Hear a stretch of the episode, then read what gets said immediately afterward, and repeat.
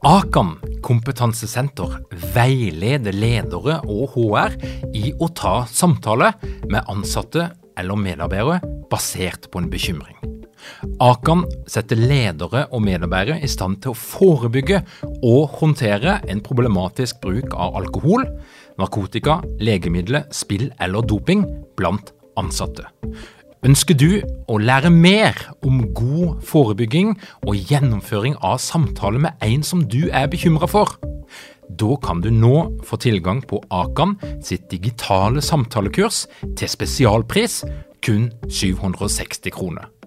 Målet med kurset er å gjøre deg tryggere i det som kan være en krevende, men viktig samtale å ta i lederrollen.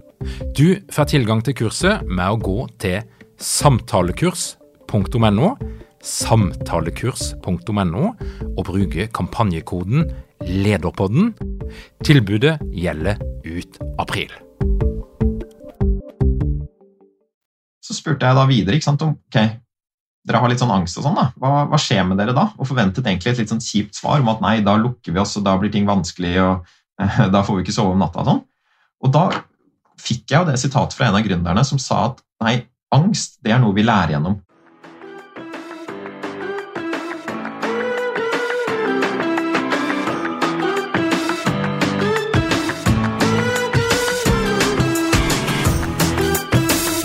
Velkommen til Lederpodden. Mitt navn er Tor Åge Eikrapen. Jeg jobber som organisasjonspsykolog og foredragsholder, og dette her er en podkast om ledelse. Det er lett å være enig i at vi mer enn noen gang trenger lærende organisasjoner.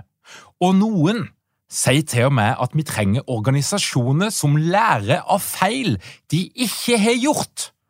Men hva betyr det egentlig i praksis? Og hva er det du som leder kan gjøre for å skape en sånn organisasjon? Dette her har Marius Jones forska på i snart fire år. Han er nå sprekkeklar for å disputere, men først så kommer han selvfølgelig innom på besøk til Lederpodden. Velkommen til Lederpodden, Marius. Tusen takk, Tor Åge. Hyggelig å være her. Du er jo kjent òg som podkastvert for NHH sin egen podkast eh, Ledertaffel. Mm. Så det er jo eh, spesielt gøy å ha en podkastkollega på besøk, så takk for det, Marius. det er veldig hyggelig. Veldig hyggelig å være på den andre enden av dette her, altså. Godt å høre. Men Marius, mm. fortell litt. Nå har du valgt å bruke noen år av ditt liv på å forske og gå hardt inn i et ganske smalt tema. Mm. Og da blir jeg jo nysgjerrig på hva er det som dreiv deg inn i det? Hva var det du var så fryktelig nysgjerrig på mm. at du faktisk måtte dedikere mange år av ditt unge liv til denne jobben? Jeg tror jeg har hatt brede interesser. Så jeg har hatt en interesse for ledelsesorganisasjonene lenge.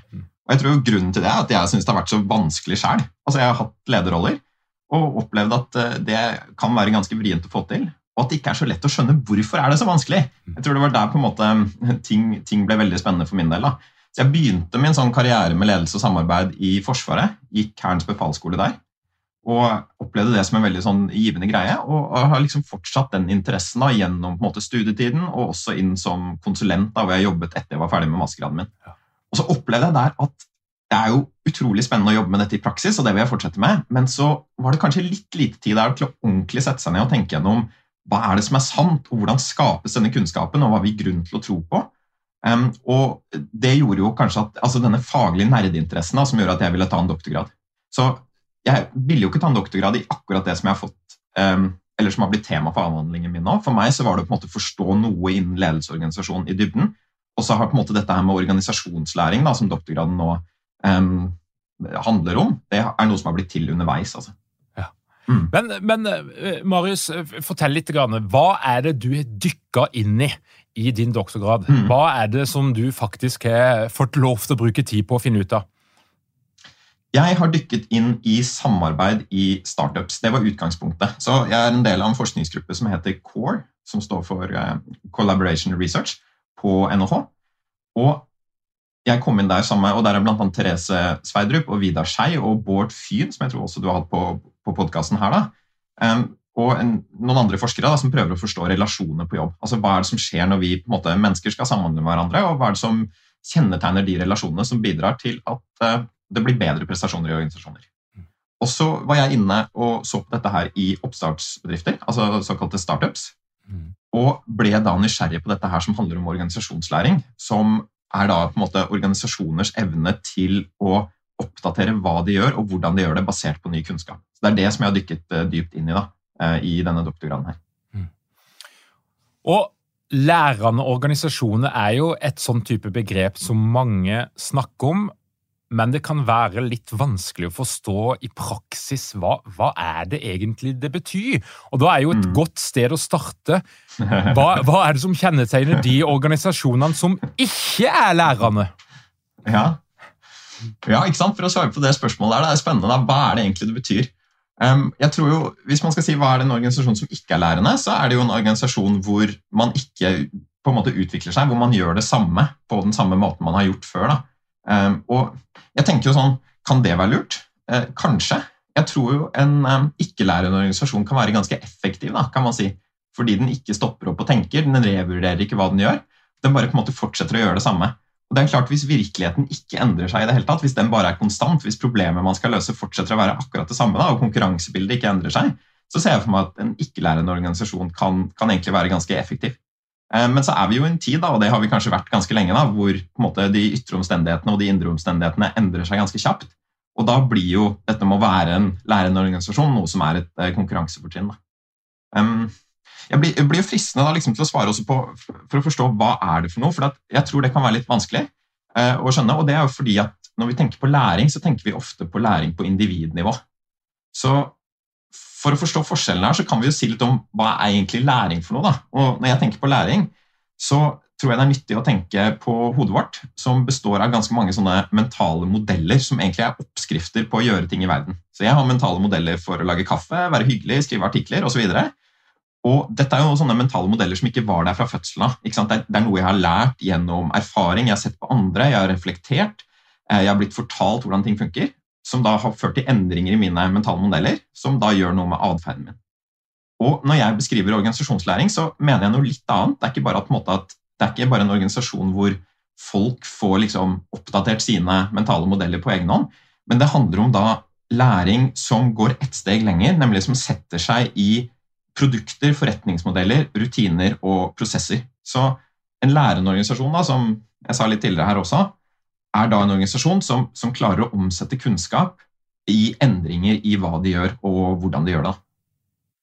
Og Da er vi jo inne på dette her begrepet endring, innovasjon. Yes. Og det jeg skjønner, er jo at eh, skal du være en virksomhet som greier å tilpasse deg et ekstremt skiftende miljø, mm. så må du ha denne egenskapen at du klarer å være lærerne. Mm. Men, men hva, hva, hva, er det de her startupsene som du har forska på, hva er det de helt konkret gjør da? For å, å greie å lære og forbedre seg kontinuerlig og tilpasse seg mm. skiftende omgivelser? Kult. Så hvis man sier at um, startups må være lærende organisasjoner For da snakker vi om lærende organisasjoner bredt, ikke sant? og det kan gjelde alle organisasjoner, også uavhengig av startups.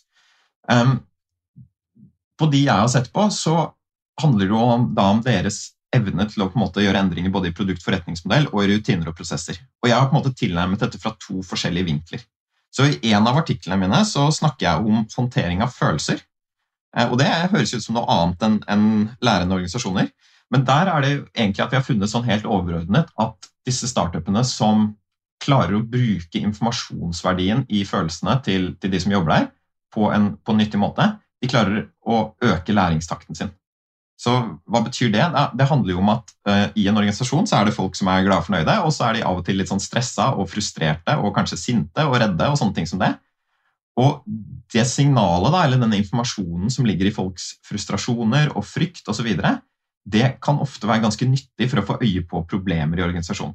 Hvis jeg går rundt og er frustrert på et eller annet i min organisasjon, så kan det være noe som bare handler om meg. At denne frustrasjonen bare er noe som oppstår i mitt eget hode, og som ikke handler så mye om måte, hvordan det er å jobbe her hos oss. Men i veldig mange tilfeller så opplever jeg at det sier noe om arbeidsprosessene våre eller om konkurransebildet vårt, eller et eller annet, og det forteller oss at her er det et eller annet problem da, som er verdt å gjøre noe med. Eh, så det som vi har gjort som et hovedfunn da, i, i, den ene artikkelen i avhandlingen min, er at noen organisasjoner er flinke til å skape plass for at folk kan sette ord på frustrasjonen og frykten sin. Eh, og sånn som det.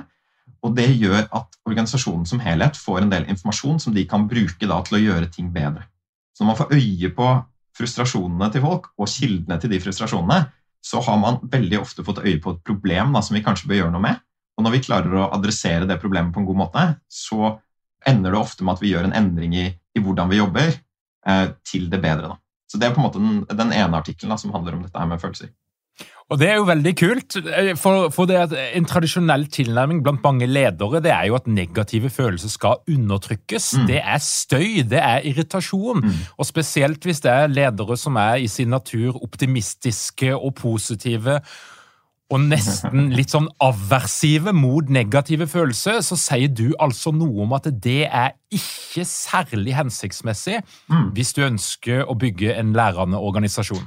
Ja, og eh, sånn delvis sant? Fordi at alle disse positive følelsene som du beskriver her, da, de er ressurser, de også. ikke sant? Så når jeg sier at man skal løfte fram frustrasjonene, så betyr ikke det at man skal slutte å være glad og entusiastisk og alt mulig. Det kan man fortsette å holde på med, og så kan man også skape rom for frustrasjonene. Så Jeg tror ikke man skal tenke på en sånn skala fra på en måte sur til glad, og at nå skal vi bevege oss mer mot sur, eh, men vi kan være på en måte høye på begge deler. da. Og jeg tror Hvis man skal tenke en sånn læringsprosess, da, eller når man på en måte um, ender opp med å lære noe, så går det ofte gjennom to steg. Og Det første steget handler jo om å få øye på et problem og grave i det problemet. Eh, og ta det inn over seg og på en måte stå i det og bade litt i problemet og skjønne hva er det egentlig som er rotårsaken til det som skjer her. Og Der tror jeg de negative følelsene har en veldig fin eh, rolle. Fordi at Når vi kjenner på frustrasjoner og sinne, og sånne ting, så blir vi veldig ofte problemorienterte. Vi begynner kanskje å tenke litt sånn negativt. Og da ikke i, i negativt som er dumt, men at vi, vi, graver i det som er galt, og det som ikke funker. Og sånne ting. Eh, og det tror jeg veldig ofte er akkurat det vi trenger da, hvis vi skal på en måte bli en lærende organisasjon. Fordi at Hvis vi kommer liksom i dybden av problemet og forstår rotårsaken, så uh, har vi også da forutsetninger for å finne en løsning. Men når vi skal finne en løsning, så tror jeg de negative eller positive følelsene kan være veldig veldig eh, nyttige. Så Det er en forsker som heter Barbara Frederiksen som har prøvd å beskrive hva er det som er på en måte den evolusjonære funksjonen da, til positive følelser. Og Da sier hun at på samme måte som negative følelser kan dytte oss mot en sånn fight eller flight response, altså fokus på problemer og løse de, så kan positive følelser dytte oss mot noe hun kaller broaden and build response. Og broaden, da snakker hun om å bre ut tenkningen sin, tenke bredere, se bredere. Build så handler det om å bygge relasjoner og nettverk. Så når vi er på en måte positive og entusiastiske, så er vi kanskje bedre egnet til å se løsninger. Og det er kjempefint, så lenge vi i forkant har på en måte avdekket et interessant problem. Så jeg tror at disse negative og positive følelsene går sånn hånd i hånd da, og komplementerer hverandre. Og jeg tenker jo, Det er jo en grunn fra evolusjonens side til at vi har begge deler. da. Eh, så det jeg tenker kan være nyttig for arbeidsplasser, er jo å skape rom hvor det er plass til begge deler. Og så bruker du begrepet rotårsak, og da tenker jeg litt på agyris, jeg tenker på lin. Men mm. hva, hva, kan ikke du forklare litt? Hva er, det, hva er en rotårsak? Mm. Så ofte så er det jo sånn at eh, problemer har mange lag, ikke sant? og det er ganske vanskelig å finne ut eh, hva er det som er den egentlige grunnen, og hva er mer på en måte symptomet.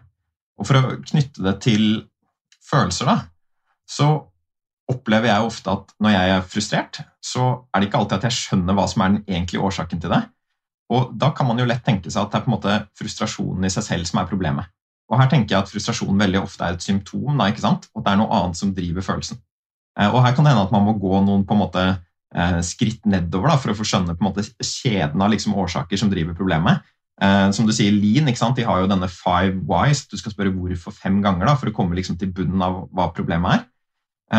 Og det tror jeg ofte er en ganske lur øvelse når man eh, kjenner på en frustrasjon eller kjenner på at det er noe som skurrer. Og liksom både prøve å finne ut hva er det følelsen forteller meg, og hva er det som driver denne følelsen. hva er det jeg opplever at driver den, Og så kanskje gå enda noen hakk dypere da, for å finne ut hva er det som er på en måte hovedgrunnen, eller på en måte den eh, ultimate grunnen, kan man jo si, til at, eh, at, ting skurrer. da. Så Det kan jo være veldig mye forskjellig som er rotårsaken, litt sånn avhengig av situasjonen. Eh, men veien dit går jo veldig ofte med å, å tenke eller spille spørsmålet 'hvorfor' flere ganger, da, så man kommer lenger ned.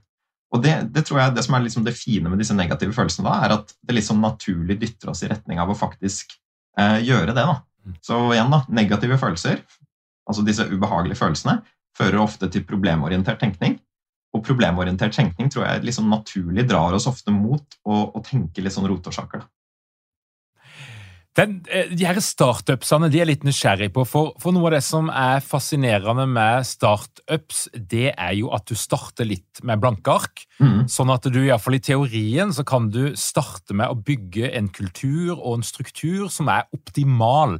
Mm. Mens hvis du jobber i en etablert organisasjon, så må du forholde deg til en kultur og noen strukturer som er bygd opp over mange år, og som kan være utrolig vanskelig å gjøre noe med. Mm. Og Det andre prinsippet, Jeg har vært inne og kikka litt på noen av de virksomhetene som du eh, har forska på, og jeg ser jo at en del av de er jo rigga sånn at de skal faktisk tape penger mm. i en del år før de begynner å tjene penger. Såkalte vekstselskaper, der en på en måte tenker at det, Potensialet er så stort, men vi må forvente at her, her må vi bruke en del penger før vi får gevinsten. Men, men hva, hva, hvilke andre ting er det du ser, Marius, som kjennetegner de her startupsene som du har forska på? Hva er det som er så særskilt med den type virksomheter sammenligna med mer etablerte bedrifter? Mm.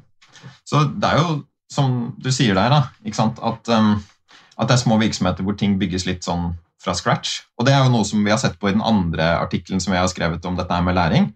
Det handler om hvordan disse organisasjonene går frem for å sette opp um, en organisasjonsstruktur, da, eller koordinering, som vi har kalt det, fra, fra, ingenting.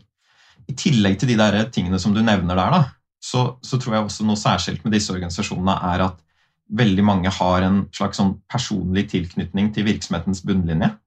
Eh, så her er det jo på en måte små selskaper hvor hvorvidt på en måte man får lønn og mat på brødskiva neste måned, ofte avhenger av hva resultatet er. Så jeg tror den der sterke felles skjebnen da, som er i et, et vekstselskap, er noe som eh, både driver mye følelser, altså det, det, blir mye følelser både på godt og vondt, litt sånn avhengig av hvordan på en måte, selskapet svinger, men også bidrar til et sånn veldig sterkt samhold.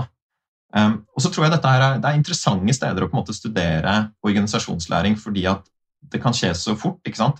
Og det kommer nok bare av liksom størrelsen på organisasjonen her. Eh, av at hvis eh, denne gjengen her, eller de gjengene som jeg har vært ute hos, finner ut at i morgen skal vi snu opp ned på et eller annet vi gjør, så kan de faktisk gjøre det. Så, så, det er også noe av det som på en måte skiller seg ut. Og så tror jeg liksom samtidig at det er ganske mye likt, da, for vi har jo sett at annet at dette med å implementere nye rutiner er faktisk en utfordring, selv om man er få mennesker. Og selv om disse organisasjonene på en måte skal bygge ting fra scratch, så er det ikke sånn at de Særlig dette når vi ser på hvordan de bygger organisasjonen, så er ikke det en sånn ting at de bare på en måte setter seg ned den første gruppa finner ut sånn skal organisasjonsstrukturen vår være, og så bygger de den optimale strukturen, og så bare fortsetter de med den. Der ser vi også at det er en læringsreise. Så de prøver ut forskjellige nye rutiner, ser om det funker, beholder det som ikke funker, og så beveger seg videre, og må hele tiden drive og gjøre endringer eh, basert på endringer i organisasjonen sin også. Mm. Så de som mer etablerte organisasjoner er også hele tiden nødt til å på en måte gjøre iterasjoner da, og tilpasse seg eh, endringer både på en måte i de eksterne omstendighetene og interne omstendighetene. F.eks. at det blir flere folk. Og, og, Hva er det de her startupsene gjør for noe som du tenker bidrar til å bli en lærende organisasjon? Mm. Kult. Så Noe som vi har sett på, da, som er et sånn hovedfunn fra den artikkelen som handler om hvordan disse startupene går frem for å bygge organisasjonen sin, er at de er ganske flinke til å blande læringsstiler, som vi sier. Så hvis man tenker at man skal lære noe, å bli en lærerorganisasjon, eller som individ også, så er det jo veldig mange veier til læring. Man kan tenke at en måte å lære på er jo å sanse, som ofte er utover. At vi kan lære fra andre. Vi kan f.eks. ha en, en mentor utenfra. Vi kan lære fra bøker eller podkast eller rammeverk eller kolleger. En annen måte å lære på er jo å drive sånn erfaringslæring. Eh, og det er jo at man gjør ting, man får reflektert på det, man får teste ting, man får tilbakemeldinger. Den type læring her. Egen erfaring. Og det siste er jo kanskje at man kan lære gjennom å tenke. At man tar seg litt sånn tid til å modellere ting mer sånn kognitivt. Um, og se fremover, og, og, gå i kanskje en mer sånn dyp refleksjonsmodus. da. Så det er ganske mange forskjellige sånne her, på en måte ulike sånne læringsstiler da, som, som bidrar til ting. Og det som vi ser er et kjennetegn blant de startupene som lykkes med å bygge gode organisasjoner i en tidlig fase, er at de klarer å blande disse her læringsstilene. Så et sånt funn vi har, er at eh, liksom, best practice-måten å, gå frem på da, for å bygge en organisasjon, er å klare å lage sånne læringslooper hvor man bruker flere av disse ulike eh, læringsstilene. Så f.eks. å kombinere dette her med å lære fra andre med å, å, lære fra sin egen erfaring også. Og så ser vi at de som gjør det mindre bra, er de som ofte bare bruker én eh, av disse læringsstilene.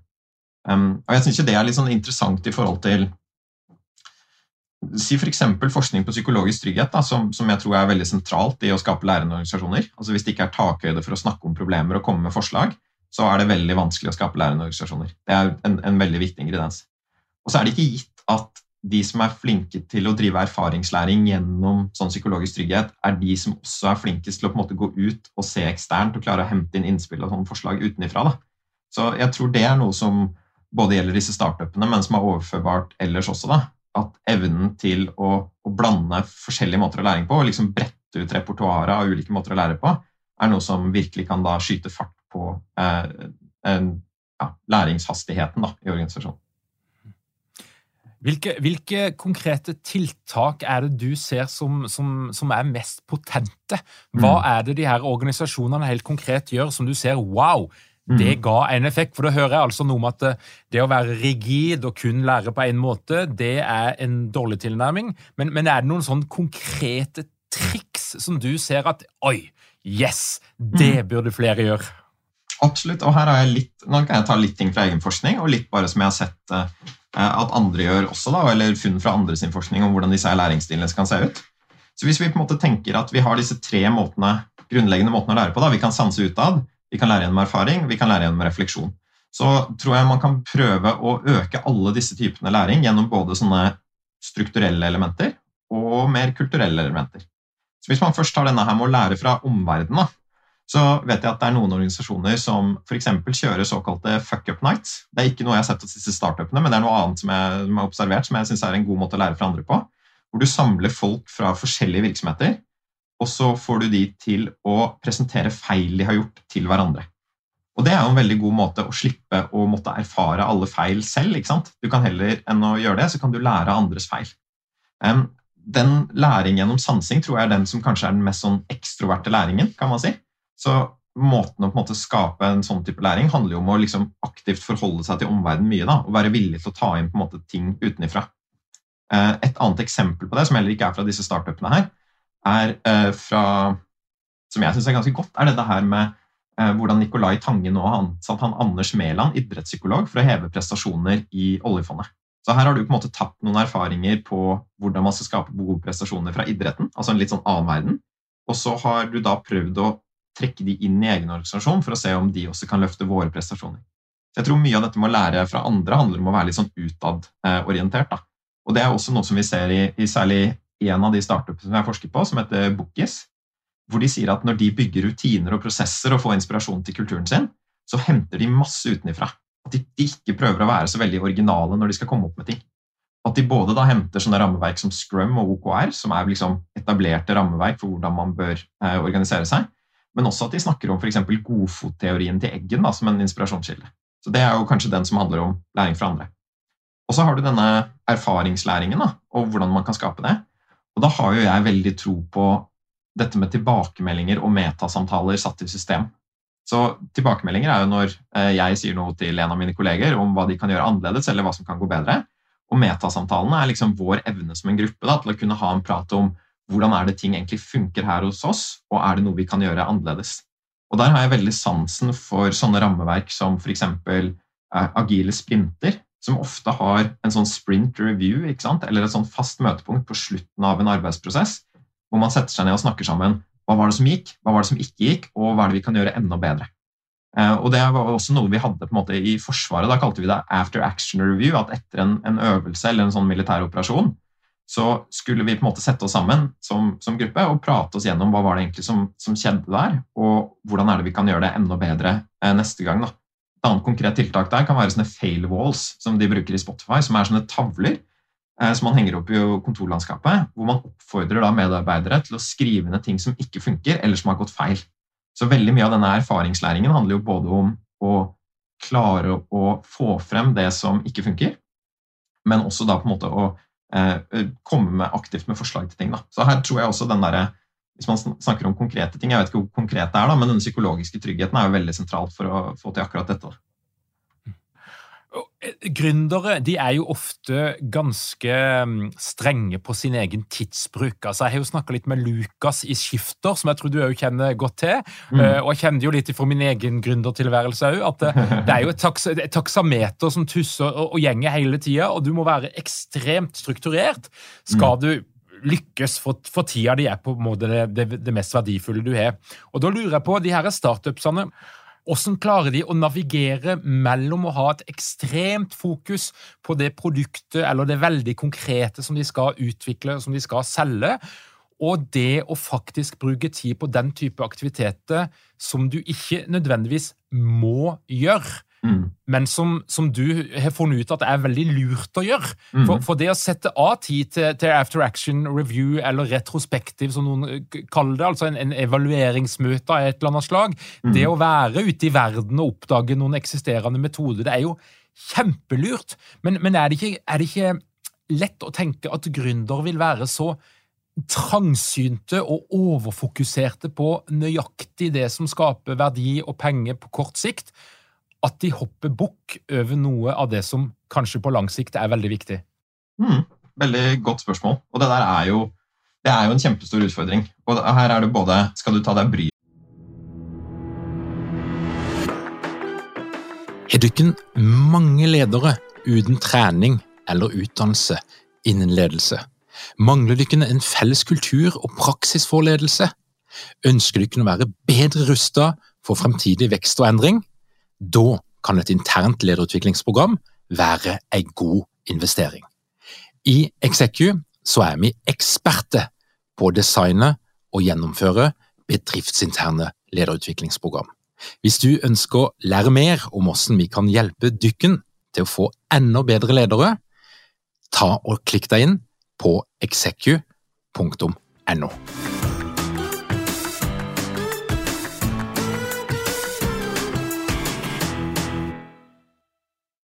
til å lære, og hva er det du skal ta deg bryet til å lære om.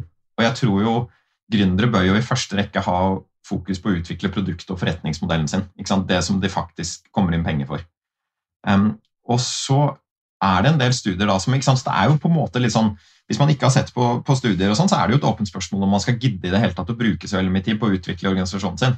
Men der er det faktisk en del studier som har sett på sammenhengen mellom det å ha rutiner og prosesser i orden i en startup, og eh, prestasjoner. Eh, og hvorvidt da man på en måte tjener penger eller ikke. Og De finner at det er en positiv sammenheng. Og Det tyder jo sånn isolert sett på at det er faktisk verdt å investere i. En av de gründerne som jeg har vært ute og snakket med, eh, sier at de tenker på at den tiden de legger inn da, til å utvikle organisasjonen sin, det er investeringer. Og når det kommer til sånne investeringer, da, både læringsinvesteringer og finansielle investeringer, så er det ofte renters renter du, du, tjener penger på.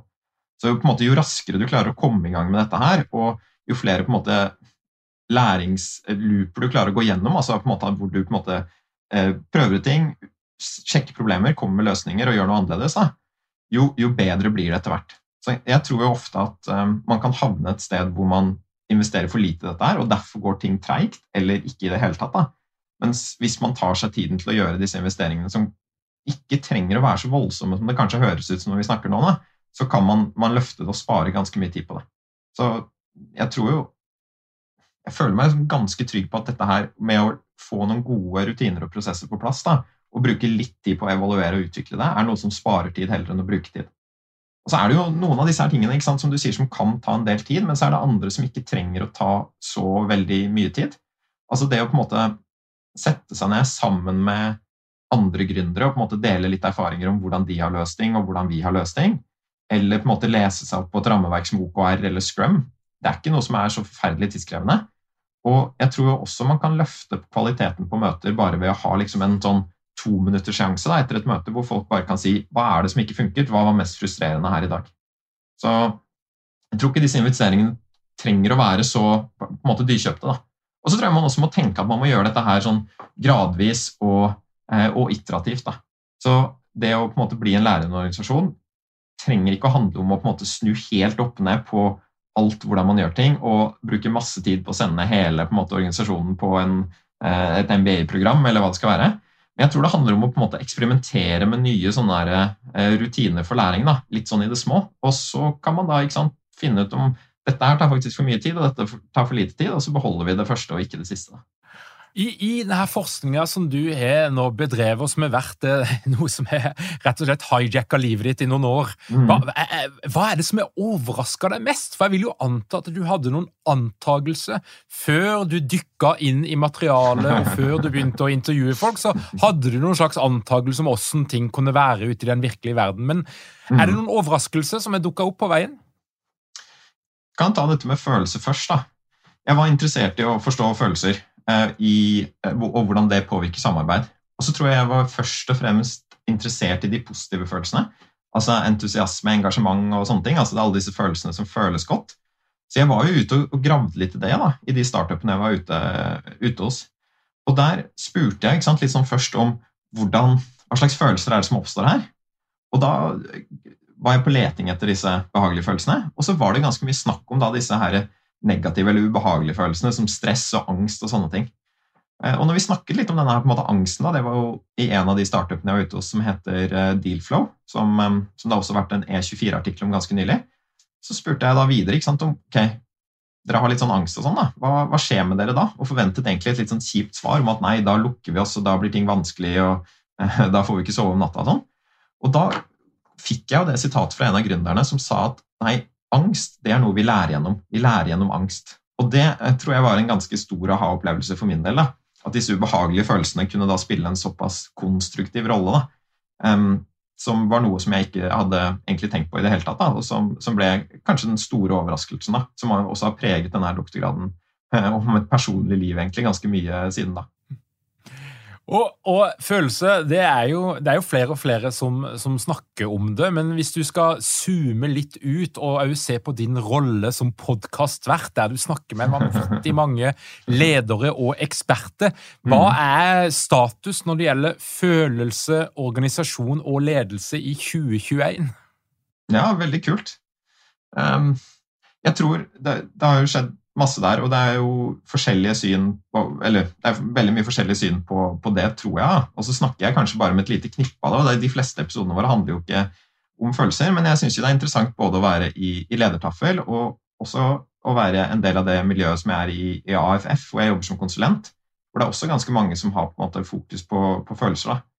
Eh, men for å ta en litt sånn faghistorisk omvei, da, så tror jeg på en måte Tidligere så har jo følelser vært noe som man har tenkt at ikke har en plass i organisasjoner i det hele tatt. Så eh, Hvis man går liksom langt tilbake og ser på sånne organisasjonsteoretikere, så er det en del som sier at eh, menn er rasjonelle og kvinner er emosjonelle. Dette er jo liksom mer sånn eh, 18-, tidlig 1900-tall-type. Eh, og så sier de at ja, og pga. det så er det veldig fint at vi har menn i organisasjoner, og ikke kvinner. Som er en uh, underlig måte å se på det på men som også tyder på at man har en tanke om at rasjonalitet hører hjemme på jobb, eh, og at eh, emosjonalitet er noe som vi helst bør ha oss frabedt. Så vi bør ikke ha noen følelser. Og så har det jo, tror jeg det har skjedd noe som, sant, som ligner litt sånn en emosjonell revolusjon, og som har kommet både med måte, den positive psykologien og, og andre måte, trender da, som har eh, gjort at liksom, følelser har fått en gradvis større plass. Og da tror jeg at det som først har kommet og blitt liksom, trendy, er jo disse positive følelsene tanken om at vi skal ha plass til engasjement og glede, og at det kan drive kreativitet og sånne ting. og at alle disse behagelige følelsene kan være en nyttig ressurs, og de sier vi ja til. Um, der tror jeg kanskje det er mange som er nå, og, og, og det har vel kanskje vært litt sånn utviklet, eh, der det har utviklet seg. Og så opplever jeg nå at fagfeltet, og også folk, da, går mer i en retning også av på en måte å se verdien av disse mer ubehagelige følelsene, og anerkjenne også at de må frem. da. Jeg tror noe som har bidratt veldig der, er den litteraturen på emotional labor, som jeg har vært eh, en del inni og, og forsket på, som har sett en del på hva som skjer med folk når de må undertrykke følelser på jobb. Og der, de, der er det mye forskning på folk i serviceindustrien, hvor man ofte blir betalt for å eh, ha på seg et smil. Du kan tenke kundeservice, flyvertinner, den type yrker. Eh, og der er det jo et veldig klart funn om at når folk må undertrykke følelser på jobben, altså holde dem inne, så eh, går det både utover prestasjoner, det øker sjansen for utbrenthet, og det kan også eh, øke skilsmisseraten, faktisk. Så det at hvis vi på en måte har en tanke om at følelser er velkommen, men bare disse positive følelsene, så eh, blir det på en måte ikke helt rom for å være hele mennesket på jobb. Og det kan også være utrolig slitsomt å være en del av, av sånne organisasjoner. Så jeg opplever at måte, det som skjer mer nå, er jo at det er et fagfelt som dreier seg i retning av å ha mer rom for liksom hele mennesket, inkludert disse følelsene som er disse negative følelsene.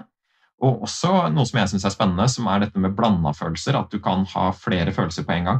Jeg tror jeg veldig ofte, Hvis vi begynner å legge litt sånn merke til følelseslivet vårt, så ser vi at det er ofte ikke bare én følelse om gangen som, som oppstår i oss. At vi både for kan være entusiastiske og sinte samtidig. Da.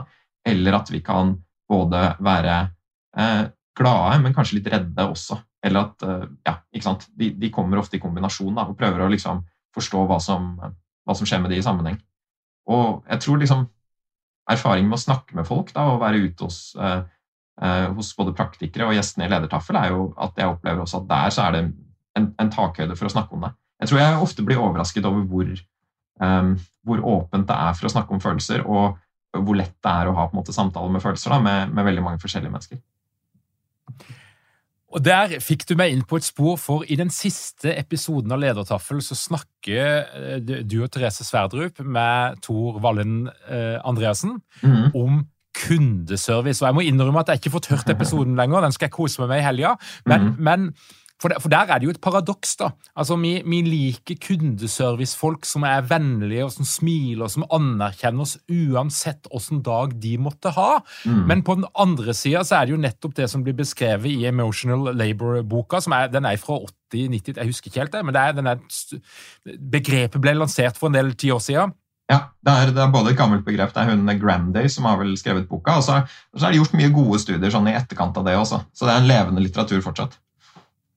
Men hvordan, skal vi håndtere det dilemmaet der at vi på den ene sida ønsker å bli behandla og tatt imot med et smil ø, i alle typer serviceyrker, mm. men på den andre sida så sier forskninga oss noe om at det å ha den type jobb der du må smile uansett hvordan det kjennes ut på innsida, mm. det er ikke særlig bra for de enkeltpersonene som sitter i den jobben. Mm. Veldig godt spørsmål. Og det tror jeg er en spenning som ikke bare de i servicenæringen kjenner på, men som eh, kanskje mange av oss kjenner på da, når vi går på jobb. At vi har lyst til å være hele mennesker med alle følelsene våre, og så er vi litt usikre på hvordan det det kommer til å bli mottatt da, av de menneskene rundt oss. Og, og, Det er noe som vi har hatt fokus på i den artikkelen som, som, vi har skrevet om eh, hvordan håndtere følelser på jobb. Eh, om at vi er ganske prisgitt våre medmennesker da, når det kommer til det spørsmålet om hvor mye er det vi skal, uh, skal vise av følelsene våre. Så det er på en måte ikke et sånt lett svar da, på om du kan være hele deg selv med alle følelsene dine i en, i en, jobbsituasjon. Det kommer veldig an på om de som er rundt meg, på en måte har lyst og evne til å motta disse her følelsene på en, på en skikkelig måte. Um, jeg tror vi bør starte litt der hvor vi kanskje kan gjøre mest, og det er på en måte å starte innad i en organisasjon. Vi har veldig forståelse hvis gründere eller folk i et salgsmøte da, vil putte på et uh, smilende fjes og, og, prøve å liksom fremstå med sitt måte, beste og mest positive selv. Da. Eh, i møte med de de skal selge noe til, eller de som skal finansiere prosjektet. Og så tror jeg særlig innad i en organisasjon, da, mellom menneskene som, som, jobber der, med kollegene, så tror jeg vi kan åpne for en mye sånn større takhøyde for, for, alle følelsene. Særlig de vi jobber tett med. Og det ser man jo også fra denne, disse studiene på emotional labor, at én ting er på en måte hvordan disse eh, som er i kundeservice og flyvertinnene og sånn, må møte kundene, og det kan være komplisert. Men hvis de også må legge skjul på følelsene innad i organisasjonen med kollegaer, så blir disse her problemene enda, enda verre. Da. Så eh, Særlig der, da, med de menneskene som vi på en måte jobber med på daglig basis, tror jeg vi skal åpne for at det skal være mer av følelsesspekteret. Og Der tror jeg vi skal være litt sånn glad også. Prøve å på en måte bli litt sånn glad på andres frustrasjoner. på en måte, eh, og, og øve litt sånn på hvordan vi mottar det. Fordi at det er jo egentlig en veldig tillitserklæring at noen kan vise følelser overfor deg, og også de følelsene som handler om frustrasjon og sinne. Eh, for det er en annen forskninger som heter Jane Dutton, som forsker på høykvalitetsrelasjoner på jobb. Og et av hennes funn er at et kjennetegn på skikkelig gode, nære relasjoner det er at det er plass til alle følelsene. Så det å på en måte At andre viser, viser deg sitt sinne eller sin sorg eller sin frustrasjon, eh, er jo veldig ofte et tegn på at de faktisk tør å være så åpne med deg. Og hvis man klarer å motta de følelsene på en ganske god måte, så kan det faktisk være noe som styrker da relasjonene. Dette her var godt å høre, for eh, jeg har sittet bak i flyet, og det gjør jeg veldig ofte. Jeg pleier å sette meg helt bakerst, og da har jeg den siste tida i høst hørt ganske mange frustrerte samtaler og negative følelser som har mm. kommet ut fra ansatte som, som, tenker at nå er de for seg sjøl, men, men, da skal jeg egentlig tolke det som et godt tegn, at det faktisk er mulig å lufte ut negative følelser med sine kollegaer hvis du f.eks. jobber på et fly. Ja, det unner jeg dem absolutt, altså. Men Marius, eh, du kunne snart gjennomført eh, mer enn 40 samtaler på ledertaffel mm. Med forskere, med ledere, med ulike kloke mennesker på, på, mange felt. Hva er det du vil trekke fram som noe av det mest interessante eller overraskende mm. eller lærerike som du sitter igjen med etter mm. alle de her samtalene? For vi har jo prata litt om det, at det å drive en sånn type podkast er jo nesten som et lite forskningsprosjekt i seg sjøl, uten at vi skal dra det for langt. Absolutt, og det tror jeg det kunne vært. Og det hadde vært veldig spennende å skrive noe på det. at liksom, Hva er det som er disse røde trådene og fellesnevnerne da, med når vi på en måte setter på mikrofonen og snakker med ledere om forskjellige ting? Um, der, der, har jeg ikke landet ennå. Det, det, har jeg lyst til å måte, se litt under ett. Men det, jeg tror det er kanskje to ting da, som, som jeg vet at jeg tar med meg. og det ene er jo bare dette her med eh, formatet samtalen da, som en måte å lære på. Og, og, jeg blir jo litt sånn slått av dette med hvor mye mer jeg husker, og hvor mye mer jeg tar på alvor det som sies i sånne samtaler, når jeg sitter og har en eh, interaksjon med noen, enn det jeg får av å lese en bok. Og jeg tror det har noe med liksom, hvordan vi funker som mennesker, at vi får masse informasjon slengt på oss, og så må vi på en eller annen måte komme frem til skal vi ta denne informasjonen på alvor. Skal vi gidde å lagre den i minnet vårt? Og eh, skal vi gidde å bruke den da når vi står i en situasjon hvor denne informasjonen er relevant? Dette tror jeg er veldig sånn ubevisste prosesser, da, hvordan på en måte minnet vårt funker. Eh, og, og, jeg kjenner jo at når jeg har hatt et ansikt da, og hatt en positiv sosial interaksjon med noen, og de har sagt noe, så, så har det en tendens til å ligge i hodet mitt og, og liksom poppe opp eh, ofte. også. Og så er det kanskje noe med liksom forberedelsene til samtalene også da, som gjør at jeg må sette meg inn i denne tematikken og så redigere episodene, så jeg får det liksom flere ganger. og sånn også. Men det er uh, utrolig mye jeg husker fra det. Og jeg er jo interessert sant, som, i organisasjonslæring, men også individuell læring. Eh, og der tenker jeg at jeg syns det hadde vært kult med kanskje et skolesystem, eller i en organisasjon for så vidt, da, som kanskje tar denne, liksom, den gode samtalen mer på alvor. da, og liksom legger opp til det. Det er en veldig aktiviserende og fin greie å få lov til å prate med, med fagfolk om ting. da. Så, så, det handler jo kanskje litt mer om ikke innholdet i samtalen, da, men samtalen som læringsform. tror jeg har, har tenkt ganske mye på. Det andre er jo verdien av liksom få liksom bredde i perspektiver. Da. Så vi har jo um, hatt mange gjester, og veldig mange av gjestene som vi har hatt, har jo en, en bakgrunn som kanskje ligner min og Therese sin litt. Altså en litt sånn psykologiretning. Um, som kanskje liker ting som, som, ligner det vi studerer på, en måte på organisasjon og ledelse. Og jeg merker jo at veldig mange mennesker som har litt den bakgrunnen, har jo kanskje et litt sånn negativt syn på dette med insentiver og Eh, belønnings... Eh, eh, sånn prestasjonsbasert belønning og, og, sånne ting som det, og, og, peker ofte på hvordan sånne effekter kan forringe eh, indre motivasjon, f.eks. Og så har vi også hatt gjester sånn som Ive Braglien, som vi har i episode nummer to, som er veldig opptatt av de positive effektene av eh, finansielle insentiver, og hvordan det på en måte kan påvirke ting i organisasjoner. Og Det tror jeg er liksom et sånt perspektiv som jeg ikke hadde blitt um, eksponert for hvis, hvis, jeg ikke hadde vært i den podkasten, for vi blir jo litt sånn i våre egne bobler. Så jeg, jeg tror det også på en måte verdien av liksom ulike perspektiver for å tenke litt videre da, er, er, kanskje noe som jeg, som jeg, også tar med meg som en sånn erfaring fra å lage en sånn podkast. Og, og, det da, hvis jeg skal trekke det litt sånn tilbake til organisasjonslæring, så har jeg tenkt på en annen ting som jeg tror også organisasjoner kan bli flinkere på da, for å øke læringstakten. Og, og, det er jo kanskje å tillate seg selv å stå i motstridende perspektiver. da. Fordi ofte når vi har en travel hverdag, så ønsker vi på en måte at svarene skal være ganske klare. Og så kan det også være litt sånn angstskapende, tror jeg, å, ha noe som er uoppgjort. At du har et eller annet spørsmål som er viktig for deg, hvor du ikke vet hva det riktige svaret er, fordi det er flere sånne perspektiver som liksom seiler rundt. Da. Men uh, jeg tror verdien i å klare å på en måte utsette svaret litt, da, og, og, tillate at ting er litt sånn uoppgjort, og at vi ikke helt vet det, og, og bare liksom la disse forskjellige perspektivene liksom surre litt rundt da, før vi på en måte lander, uh, den verdien der tror jeg er ganske stor. Og, og da tror jeg egentlig det handler om å bygge opp en sånn kanskje man kan kalle det en sånn friksjonstoleranse i seg selv. da. Både at man som enkeltperson klarer å holde flere perspektiver uten at man må nødvendigvis lande på ett av dem. Og også mellom mennesker. da, At liksom, du og jeg kan mene forskjellige ting. og så kan vi fortsette å på en måte prate om de tingene og prøve å eh, liksom være litt i hverandres verdener. da, Uten at vi nødvendigvis må på en måte bestemme oss for hvem som har rett, eller bli enige om å være uenige, eller noe sånt som det, men bare på en måte være med de ulike perspektivene. da. Eh, og der, der, er jo det å lage podkast veldig god trening, syns jeg. altså. Det å skrive en doktorgrad det er det jo noen som beskriver som å være i en godtebutikk der du bare kan kose deg og forsyne deg med all verdens kunnskap, og du, du har på en måte fått lov til å bare lese og fordype deg, mens mm. noen andre vil kanskje kalle det for en vanvittig lang ørkenvandring. Marius, eh, en ting er eh, hva du har lært i selve studiene, men, men hvis vi skal gå litt meta, da. Mm. Hva har du lært om deg sjøl mm. etter dette her lange løpet som du nå er i ferd med å fullføre? Det er et fint spørsmål, altså. Og Det er sånn der, ikke sant, det er nettopp godt for meg at dette er på vei til å komme i mål. Så, så dette er spørsmålet jeg gleder meg til å ta med inn i romjula også og tenke på. det. Um, jeg tror jo noe som, eh, som jeg har tenkt på, er jo liksom tålmodighet. da. Eh, og en ting som jeg har lært om meg selv, er jo at på noen måter så er ikke jeg så veldig tålmodig.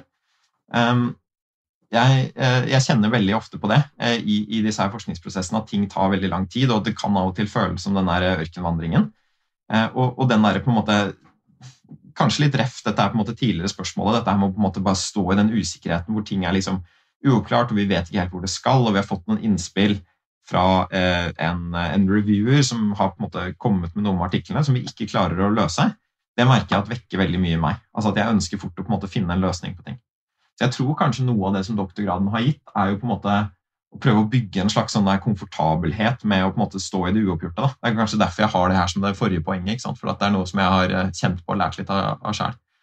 Men jeg, jeg, tror nok jeg har lært at uh, om meg selv, da, hvis jeg skal bare svare på det, er at uh, jeg er utålmodig på, på, godt og vondt. Det kan jo også veldig ofte være en ressurs i akademia, tror jeg, for at man vil på en måte kjøre på litt, da, selv om det kan være litt sånn eh, angstskapende. Og så tror jeg noe av det som jeg har kanskje lært både om meg selv og også om dette her med å eh, drive strukturert tenkning, er jo litt sånn verdien av et perspektiv som man ikke trodde var relevant. Og jeg tror jo veldig mye av det som er verdifullt i, i de eh, artiklene som jeg skriver, de, de, kommer ofte fra steder som er helt uforventede. Så i denne her artikkelen om hvordan gründere håndterer følelser, så er en av våre største inspirasjonskilder kommer egentlig da fra um, parterapien og, og, fra familieterapien. Hvor det er en forsker som heter Gottmann, som har skrevet ganske mye lurt om hvordan foreldre forholder seg til barn sine følelser. Og det vi finner, er at uh, ganske mange av hans perspektiver er ganske nyttige for å på en måte belyse uh, de tingene som, som, vi tenker at foregår i disse startupene også.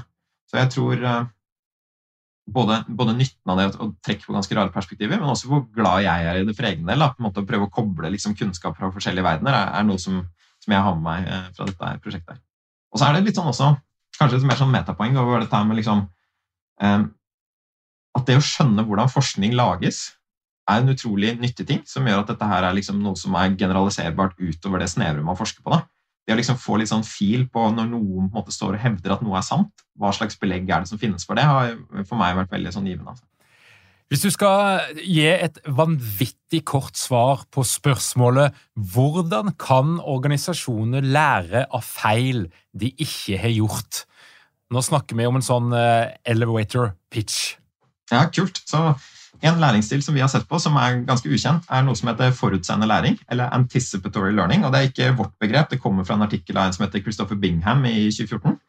Og Det handler jo om akkurat det du sier, lære fra feil man ikke har gjort. Og Her tror jeg egentlig en god dose negativ tenkning da, er det som egentlig trengs. Eh, og eh, Det er litt sånn krevende å få til, fordi at ofte når vi trenger denne læringen, er når vi skal ut og prøve et eller annet nytt.